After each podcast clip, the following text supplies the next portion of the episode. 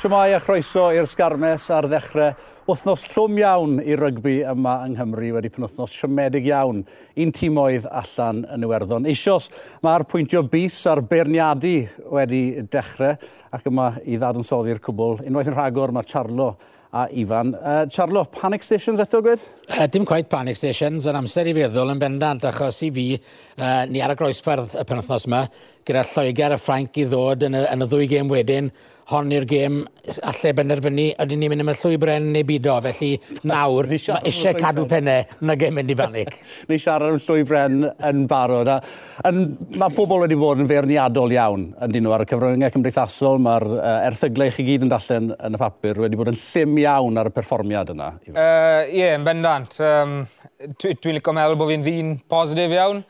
Ond um, yeah, sim, da ddim lot o bethau positif mas o'r gêm na i ni y penwythnos ma. Fi'n siŵr bydd y boes i gyd uh, yn siomedig, siomedig iawn gyda'i gyda perfformiad nhw, achos oedd, oedd rhywbeth bendant yn, uh, yn eisiau ar, ar, ar y penwythnos. O, sicr, mae tipyn o, o le i wella. Ond uh, ewn ni'n ddyfnach falle mewn i'r sgwrs yna yn y man, ond gyntaf geidewch ni glywed gan y capten a'r hyfforddwr wedi'r perfformiad yna, Dan Bigger a Wayne Pifac. Yeah, I think um, collectively we talked uh, about the start that we wanted. Uh, we wanted to match them physically. Obviously, you have to do that coming to Dublin, uh, and our discipline needed to back that uh, that effort up. Um, we weren't able to do that. I think um, that was evident in the penalty count in the first 20 minutes. Uh, you know, when you're defending for long periods like that, I think there was 100 odd tackles made in the first half. It makes it very, very difficult when we do get our hands on the ball and uh, we weren't as clinical as we would have liked to have been. So it's certainly a game that we need to go away and look at and improve on very, very quickly.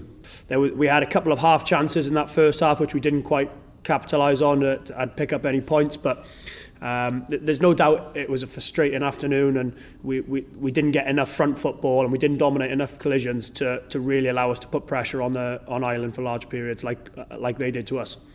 I thought that the boys you know, came back very, very strongly in that last quarter of the game um, and kept fighting all the way to the end, which is what we want. And I think, um, as I say, we've got to make sure that the start of the half in both halves is better than it was because um, we certainly, you know, gave them too too much uh, or too many points in that part of the game. We know that we're better than that, and we just got to fit, we just got to make sure we get a bit more edge to us in training this week.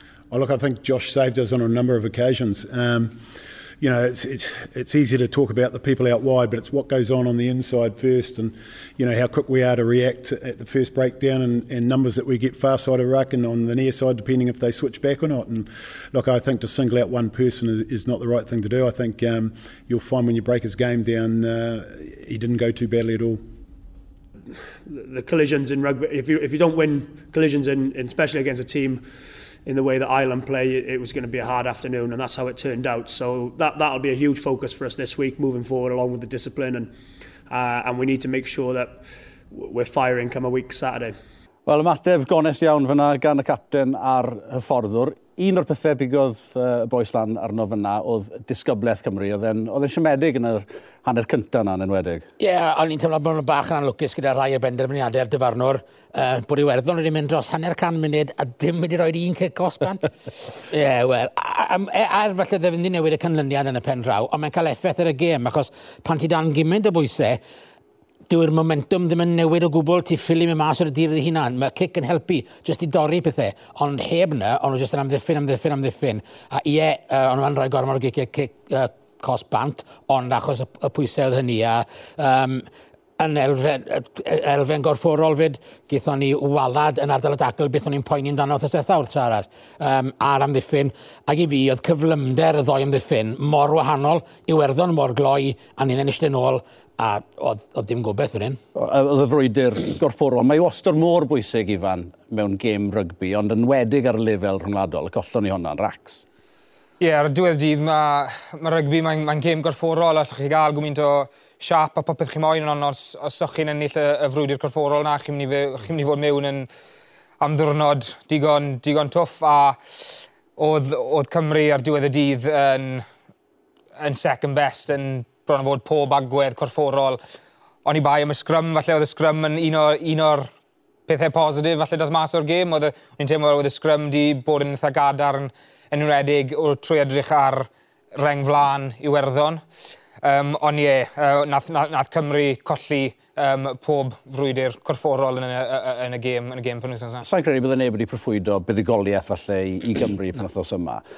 Gys ti'n syni faint o fwlchodd rhwng y tîmoedd, Charlo, achos oedd yn edrych i fi fel bod Iwerddon filltirodd ar y blaen i Gymru. Oedd ym mhob agwedd o ran y paratoad, fel o'n nhw'n meddwl ar y ca hefyd, y siap oedd arnyn nhw, oedd popeth arn, i fi'n yr siom mawr oedd, o'n i ddim yn disgwyl i Gymru ennill, nag on, ond o'n i ddim yn disgwyl perfformiad cyndrwg a hwnna ond o'n nhw just mor pasif fel, fel mae'r Saes yn gweud. Oedd dim byd dim tân, e, neb yn bwrw neb. O'n nhw'n colli bob gwrthdaro, bob collision, Iwerddon yn ennill, a oedd Cymru mynd ymellach ac ymellach nôl, a oedd e jyst y gwaith amddiffyn wedyn yn dod yn amhosib.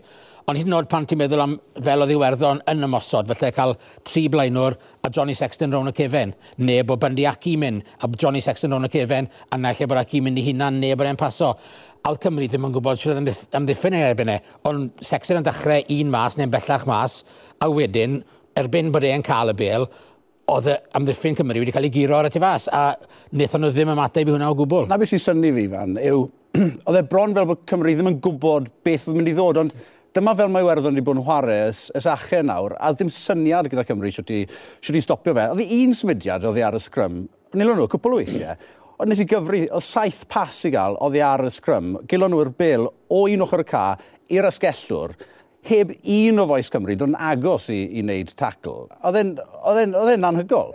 Ie, fi'n fi credu na beth sy'n anodd i, i gymryd fel boes sy'n watcho'r gêm yw, achos mae'n ma, ma anodd iawn i weld be mae Cymru'n treial, treial wneud fel arfer, chi'n gweld, chi gweld yn gwmwys be wedd Iwerddon yn treol neu, fel, fel wedwch chi Charlo, wedd, wedd, wedd tri blaenwyr na, wedd Sexton uh, tu ôl i'r pod na, fel bych chi'n gweud. So byddai opsiynau gyda'r uh, gyda blaenwyr, tu fewn, tu fas, neu tynnu fe ôl i, i, i Sexton tu ôl. A wch chi'n gweld yn gwmwys be wedd Iwerddon yn treol wneud. A, a na beth sy'n anodd iawn i, i, i gymryd, mae o'n i yn bersonol yn ffeili gweld beth oedd Cymru yn treial creu neu treial wneud uh, er mwyn i ni atal, atal Iwerddon. Chos fel wedwch chi, na fi'n credu nath nhw uh, ar, ar, un tro, nath nhw uh, tri symudiad, yr un peth, a na gath nhw dal yr un, uh, yr un outcome. Chi'n Chi climaddu unwaith, ond yr eildro ar trydydd tro, mae rhaid i chi blitzo, mae rhaid i chi rhoi rhagor o bwysau arnyn nhw. Dyna, dyna bydden ni wedi rhoi fel neges hanner amser fel fforddwr, yw hanner amser bais. Mae nhw, chi ffili gadael i nhw gweir holl patrymau pert yma tu ôl, hedfanwch lan, rhowch bwysau arnyn nhw, a triwch chwalu'r parti tu ôl. Oedd ddim blitz na drift yn oedd e, ond oedd ddim yn pwysio nhw mas at yr yslis, ond oedd ddim yn dylan y bennad. A, a fel ti gweud, y blitz yn ewedig dan Sean Edwards, neu beth oedd un o nodweddion Cymru, oedd yn amddiffyn yna. A ond jyst yn eistedd yn ôl, a ond nhw ddim yn gwybod, fel sy'n nhw just yn y goleadau, A beth sy'n digwydd, le mae'r boi nesaf yn dod o, a er bod Nick Tompkins wedi rhoi llwyth o daclus mewn i fod yn deg, iddo fe a Tain Basham hefyd, ond heblaw am hynny, oedd fel sydd ddim clem dyn nhw, a fe, fel ti'n gweud, Rods, o edrych ar Iwerddon, yn wedig dan Andy Farrell, ers bod Joe Schmidt wedi mynd, a gyda Mike Cat mewn yn awr hefyd, yn hyfforddwr ymosod, na'r patrwm maen nhw wedi ware. Maen nhw'n ware gêm agored, lot fwy agored, ond drwy roi Sexton, dim fel y deg i ddechrau, ond ar y tu fas o'n i'n meddwl dyddiau yma, taw un peth ti'n neud yw edrych ar y fideos, edrych ar y iPads di, am oriau mowr, wel, edrych ar y dystiolaeth o beth maen nhw wedi bod yn neud, a i fi, oedd na ôl diffyg paratywad fel gyda, gyda Cymru, anna sy'n siomedig. Mae'n rhaid fi gweud, er pan mae'n siomedig oedd Cymru, mae'n rhaid fi gweud, nes i fwynhau gwylio Iwerddon, mae'n ddychymig i'w chwarae nhw, mae'r holl patrymau pert yma, mae e'n edrych yn, yn ffantastig, a, a mae e yn amlwg yn, yn gweithio, mae'n glwn lwyddiant yn ystod yr hydre yn erbyn um, yn erbyn Zeland Newydd, a mae ôl paratoi ar ei chwarae nhw. Byddwn ni'n gweud bod nhw lan na gyda Zeland Newydd. O ran pawb ar yr un ddalen, os lyciwch chi, yn gwybod yn union beth yw'r roles nhw a beth maen nhw'n trio wneud. Mae pob un ohonyn nhw ar yr un lefel. Ond o ran Cymru, pan o'n nhw'n cael y bel, oedd ddim clem gyda nhw. E, oedd unigolion, o'n nhw'n mynd falle doi neu tri cymal, a wedyn oedd gyda chi Johnny McNichol yn dod mewn i'r first receiver, gyda chi um, Liam yn ymddangos yn canol cael. Ond collon nhw ffordd, mor no, hawdd. Mae ma, ennill yn magu hyder, efo os yna'n ei bai, am y ffaith nawr bod Iwerddon wedi ennill yn nawd eitha, mae hwnna'n helpu. Achos os ti'n ennill, mae popeth yn dda.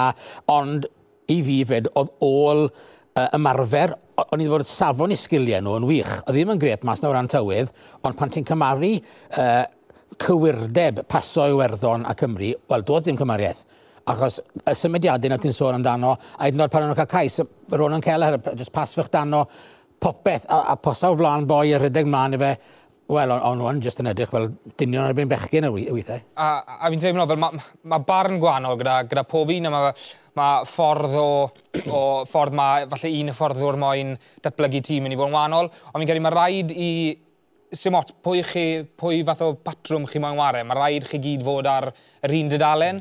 A'r diwedd y dydd, yn credu falle bod Cymru yn ymddiffyn a yn ymosod. So ni, so ni ar yr un dydalen ar un o bryd, chi'n chi, gweld rai weithiau mae ma, ma chwarae, ma un neu ddoi falle yn blitzo, mae ma un neu ddoi falle yn sefyll off, a chi'n chi gadael wedyn uh, dogleg fel bydden nhw'n gadael e, galw fe. a mae just, a, a oedd Iwerddon di, di torri, uh, torri amddiffyn i Cymru lan yr banau, achos, achos hwnna'r diwedd i gyd, achos sa'n credu oedd pob un ar yr un dydalen, a fi'n credu falle bod hwnna'n rhywbeth falle bydd rhaid Cymru edrych yno. Oes, fi'n teimlo bod ni'n negyddol iawn.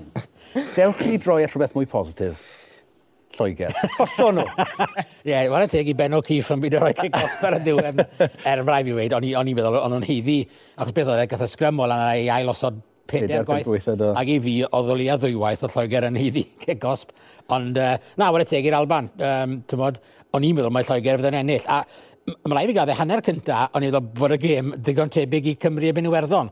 Achos Lloegr gath y meddiant bron i gyd, Lloegr gath y, y diriogaeth i gyd, ond sgwrn nhw'n y pwyntiau. A dath hwnna nôl wedi, ond wale teg i'r Alban, gymeron o'r cais cynta yna yn wych a er, wel, y, y cais cost gyda hwnnw uh, gyda Finn Russell yn diwedd. Um, maen nhw yn gallu ware yn bendant, ond eto i gyd, um, mae werth, dim yr un fath o gryfderau falle a, a, a stai werddon dyn nhw. Maen nhw'n dîm gwannol iawn, ond uh, na, gret bod nhw wedi dechrau gyda buddigoliaeth. Uh, Ifan, beth sy'n sefyll yn y Covid ti?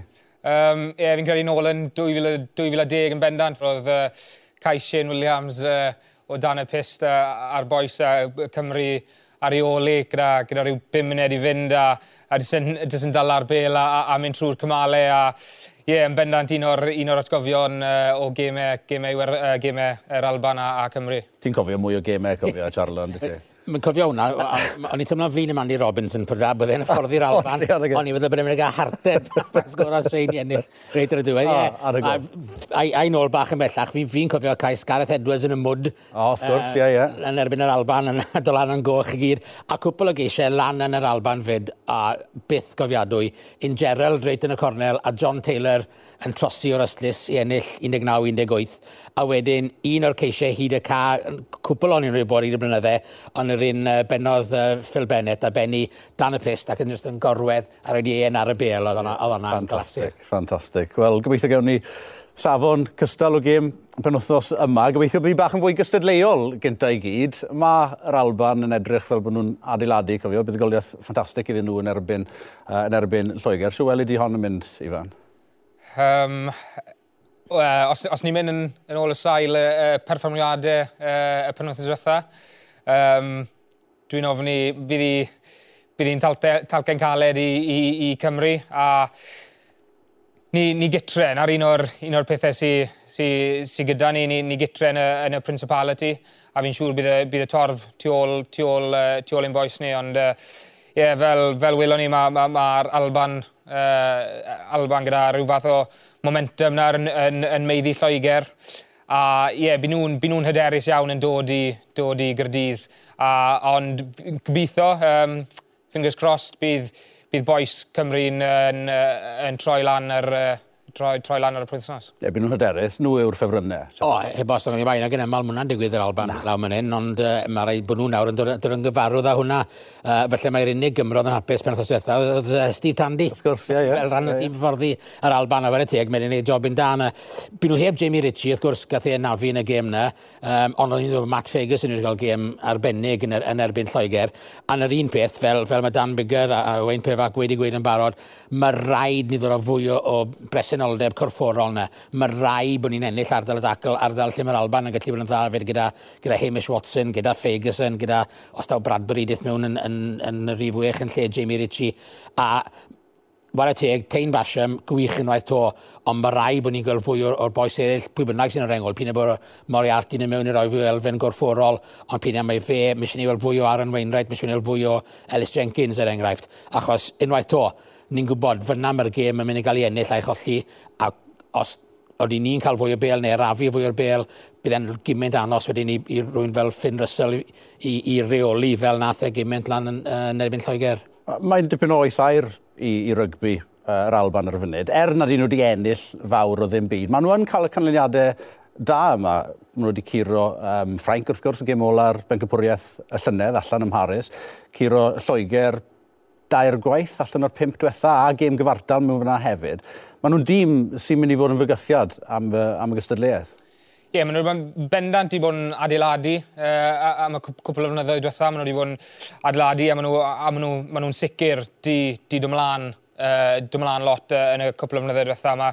Fi'n credu mae'n ddiffyn nhw wedi bod lot yn well ac fi'n siŵr mae Steve Tandy wedi mewn a rhyw agweddau i'w yw tîm hyfforddi a, a, a, popeth a, a, a fi yn credu bod bod nhw'n mynd i fod yn fygythiol a, a, a gyda, gyda'r perfformiad y prynwydd diwetha, fi'n credu oedd e'n gêm wych gyda, gyda Lloegr a, a'r Alban, ond on pob clod nhw, dath nhw ben a, a cloi'r gêm y mas. A, a fi'n credu falle na ble maen nhw wedi stryglan yn y, yn y, yn y blynyddoedd diwetha, falle bod nhw yn ar ei blaen i yn bach, ond wedyn maen nhw'n dieddol o dropo bant bach wedyn ar ôl i'r gêm mynd yn ei flan. So, was, so then gret yn wedig yn erbyn uh, y Saeson i weld nhw'n dybenna cloi'r gêm, gêm na mas. Ie, yeah, wedi bod yn 20 mlynedd ers i'r uh, Alban ennill yng Nghaerdydd, yn llon wrth gwrs ym Mharca Scarlet yn erbyn Cymru ddwy flynedd yn ôl, ond un oedd yn uh, rhan o'r tîm buddigoliaethus yna yn erbyn Cymru nôl yn 2002 oedd Budge Pountney, cyn y fforddwr i fi lan yn Northampton, a bues i'n siarad gyda fe yn gynharach yn yr wythnos. Budge, good to see you, mate. It's been a long time. How are you keeping? It certainly has, Roger. Yeah, all good, mate. Very, very good to hear your Welsh dulcet tones coming back at me. So, uh, yeah, really good to see you. Good. You've got a bit of a smug um, face at the moment. It's been a uh, it's been a good weekend for Scottish rugby, not so good for the Welsh. Yeah, no, Scotland were, were well, we're, we're still positive. Scotland were, were really physical. Um, they, they came across a very physical English team, which they, they normally are, but they, they they were physical, they were clever, um, and and produced a really good performance. Um, and you know, unfortunately, the Welsh didn't quite get to the top of their performance, but it's uh, it, you know it, they got another weekend, another match, so uh, they'll, they'll be ready for that. Yeah, like you say, I think we'll concentrate on Scotland first because it was a fantastic display, and they they dealt particularly well with the the expectation on their shoulders ahead of that English visit um, to win the first back to back Calcutta Cup since your playing days. Was it early eighties?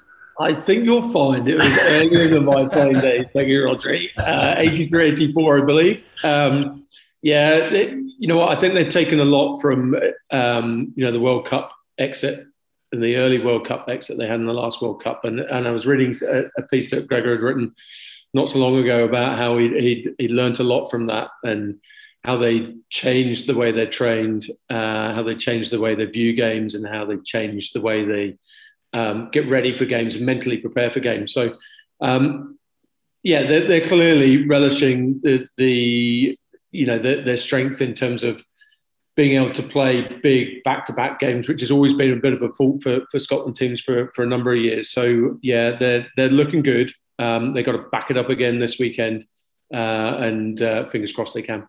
They they have a golden crop of players at the moment. The likes of of Hogg and Finn Russell in their prime. Ninety nine was the last time when you were playing. Scotland won the Six Nations. Is there a level of expectation for them to go on now and and and win this tournament? I think you know when you look at the crop of players and, and you look at the crop of players we had in '99, and sadly it wasn't. Thankfully, it wasn't the Six Nations. We, we weren't that fit to do uh, that many games. the Five Nations back then, the old that, old, yeah. that far away. Um, you look at their crop of players and the depth of players, it's it's um, it's really good. So they had the opportunity last year to really push on and, and do better than they did, uh, and I think that will gal- galvanise them you know this time around and they would have they would have looked at the minute detail and you know knowing Gregor he would he would have looked real hard at what he could do and how he can and make them a better squad or a better side so yeah they're clearly working really hard and a, and a really tight unit I think we now have to sadly turn our attention to, to Wales. But what do you make of their performance on the weekend against what was a, a very impressive Irish side?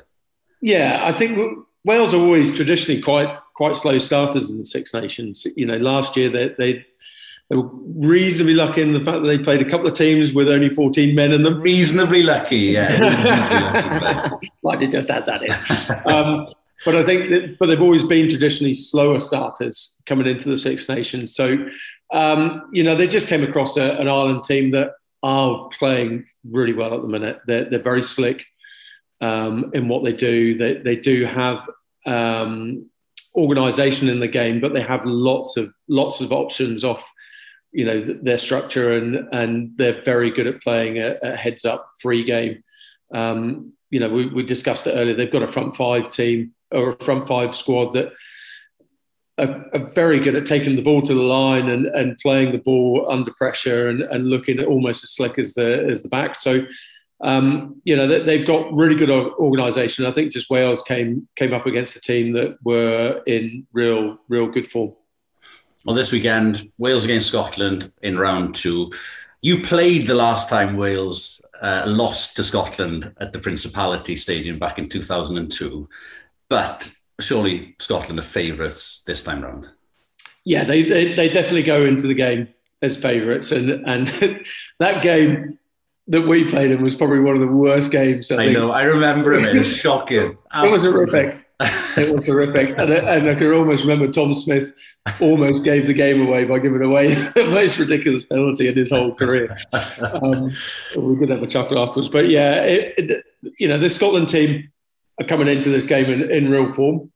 Um, but you, you always know going to the Principality Stadium, it, it's, uh, it's a tough place to go. It's passionate. It's, it's, you know the, the crowd are on top of you the fans are on top of you the noise is unbelievable. Uh, i say this is a really really tricky fixture for scotland and and going in as favourites is always is always hard. But you know they proved last weekend that they, they have that ability to to take that tag and and push forward. But I really appreciate your time today and well, fingers crossed, you won't have quite such a smug look on your face uh, by the end of this weekend.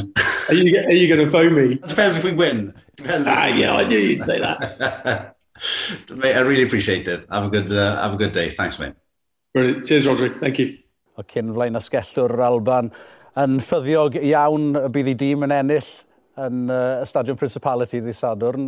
Um, o ti'n hyderus o'n thoswetha, bydden ni'n curo yr Alban, Charlo ti dal yn, uh, yn, yn teimlo'r un mor hyderus wedi'r perfformiad yna? Sim hawl fi, ond dw. Mae'n od falle, achos bod ni'n mor gyfarwydd. Ie, yeah, falle ta. Gollon ni byth yn erbyn yr Alban dan, dan gats o gwbl. Um, o dde wastad yn lygo atgoffan o hwnna.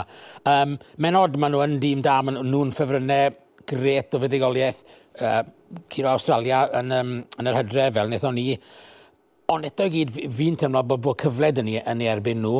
Dyn nhw ddim yn wario'r un stael ag Iwerddon, a os mi eisiau ni gael gwelliannau drwy ddi draw. Ond fi yn, pan ti'n edrych ar, ar y chwaraewyr na, ti'n un am un, fi'n credu, ie, yeah, mae ma, ma, ma gobeith dyn ni yn, yn erbyn rhain. Um, Finn Russell yw y boi sy'n dalan nhw gyda'i gilydd heb os na o'n i bai, a i fod yn deg, mae, ma fe'n okay, mae'n gallu gwneud i gamgymeriadau, ond mae fe'n ma fe, ma fe o chreuwr. Um, felly, os gallwn ni, fel fi'n gweud, ardal y dacl yna unwaith oes yw'n i fod mor bwysig. Uh, fel oedd Ifan yn gweud, o'n i'n hapus â sgrams er bod uh, Jacob Paper ddim bob amser, o'n i'n hapus gyda, gyda sgrams Cymru a, a fi'n credu gallwn ni ddod tir fyna yn erbyn nhw, ond yr er, ardal y dacl yna. A gewn ni bach o feddiant, rhoi bach o bwysau arnyn nhw, wedyn gallwn ni ofyn cwbl, cwbl o gwestiynau nhw, fi'n credu. Ti'n meddwl bod angen, falle bach fwy o o, o swmp a fwy o faint yn y, yn y rheng ôl yna i fod yn fwy gystadleuol yn ardal dacl, achos o'n i'n eitha Mae siomedig y gweud wrthi. Er bod Basham wedi cael gêm ffantastig, o'n i'n meddwl byddai ni well uh, dros y bel yn yr afi meddiant Iwerddon, gyda, gyda doi blaen ysgellwr agored yn, yn chwarae yn y rhengol yna. Ond ti'n meddwl bod angen newid hynny, Ifan? Um, Ie, yeah, allwch chi ddim mewn a fi'n credu bod rhaid Basham i gadw i le. Fi'n credu fe yw'r unig, unig rheo'r lle nath roi law lan ar y, ar y penwythnos. Ond, ie, um, yeah, allwch, chi, allwch chi ddim mewn a, a, a, a Ros Moriarty, trel falle um, bod yn wyneb uh, boes, uh, boes yr Alban. Ond ar diwedd y dydd, fi'n credu falle, wel, fi'n credu falle, wnaethon ni angytuno gyda ti'n yn dim, ddim i fod yn rhy negyddol, ond sa'i lle gweld um, Cymru yn, yn ennill, ennill ar, ar y prynthnos i fod yn hollol onest chi.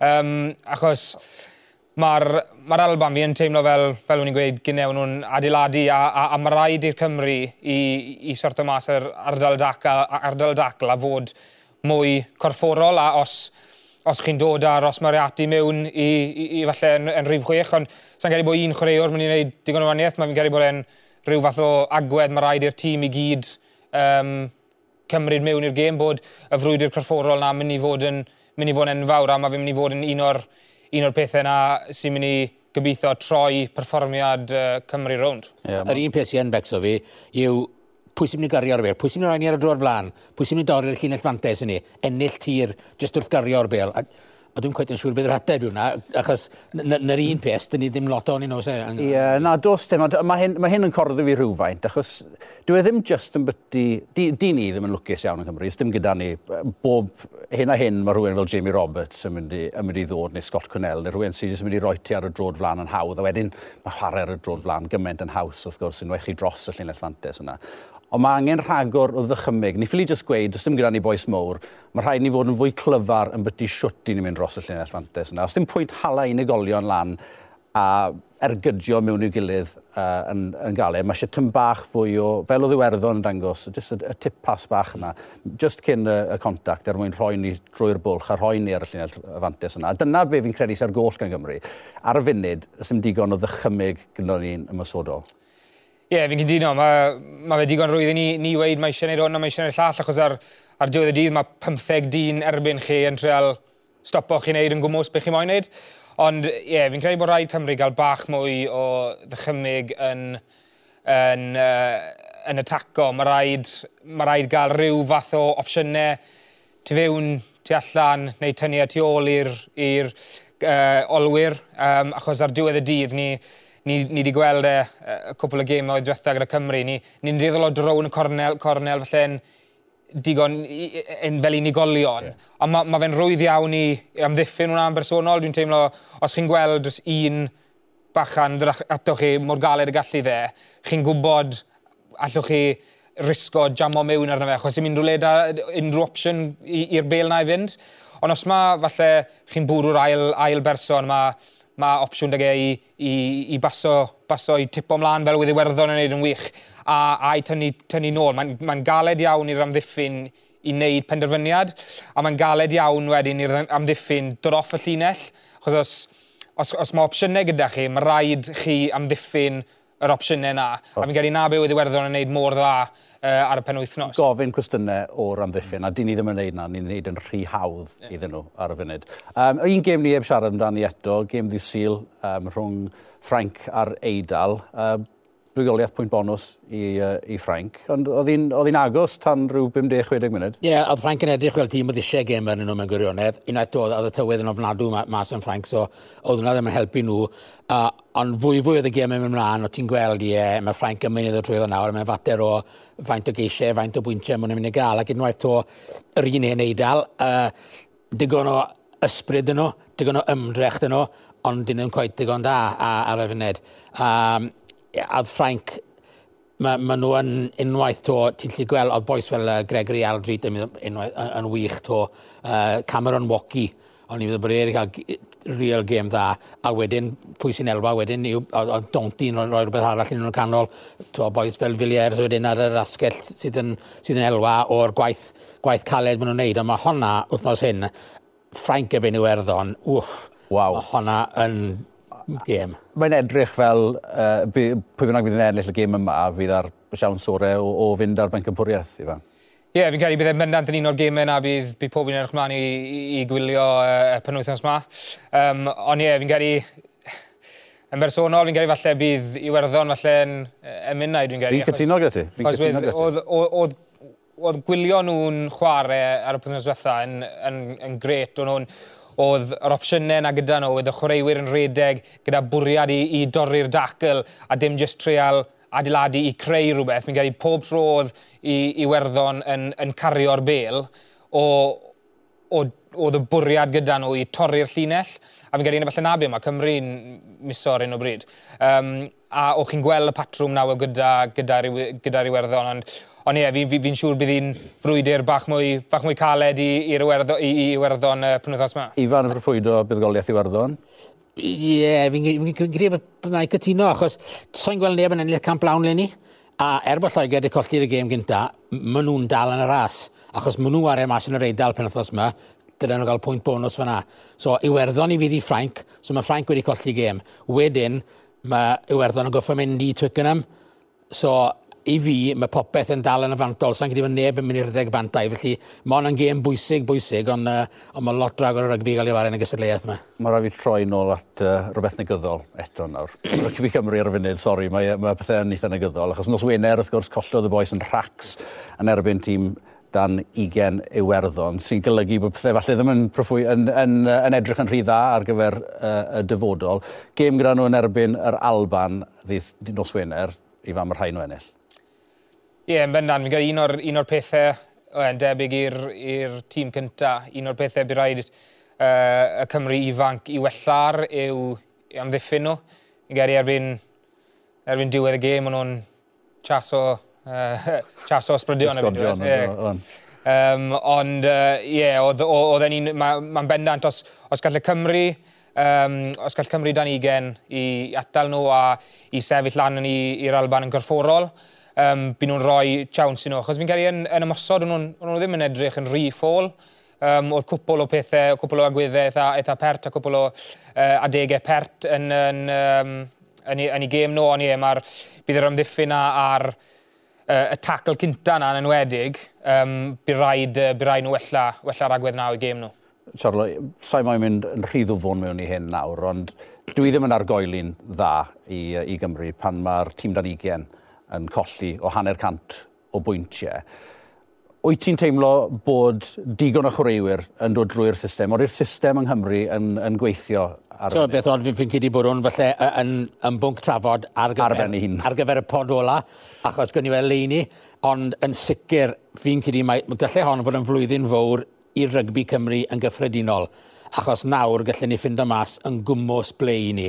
A mae gymaint o bobl wedi bod yn gweud ac yn eitha iawn uh, bod ni wedi bod yn papuro dros y craciau ar hyd y blynyddoedd diwetha, achos bod ni wedi cael llwyddiant ar lefel genedlaethol, achos bod Cymru wedi bod yn gwneud mor dda, does neb wedi bod yn edrych ar y strwythyr dano fe, a rhwng y ran barthau, rhwng yr academïau, rhwng yr ysgolion, dyw pethau ddim yn edrych yn dda o gwbl. Uh, a fi'n credu os fydd e'n dymor cynrwg a gallai fe fod ar ôl y penwthnos gyntaf yna, o ran y tîm Danigen a'r prif dîm, bydd yna gwestiynau mowr mowr gan yr undeb i ateb erbyn diwedd y tymor. Ond fel fi'n gweud, Falle... os yn ellydd Cymru bob gêm o hyn mas, ond on, newn nhw'n dyweli to. Ond eto, e, falle bydd nhw ddim yn sylweddoli, ond mae'r problemau yna mynd i barhau. Mae dal problemau strwythurol enfawr mm. gan rygbi yng Nghymru, ond wnawn ni adael hynny fan hyn a gobeithio mae'n dewi gewn ni Fuddugoliaeth, ond fwy na dim byd, perfformiad bach mwy calonogol gan Gymru penwthnos yma.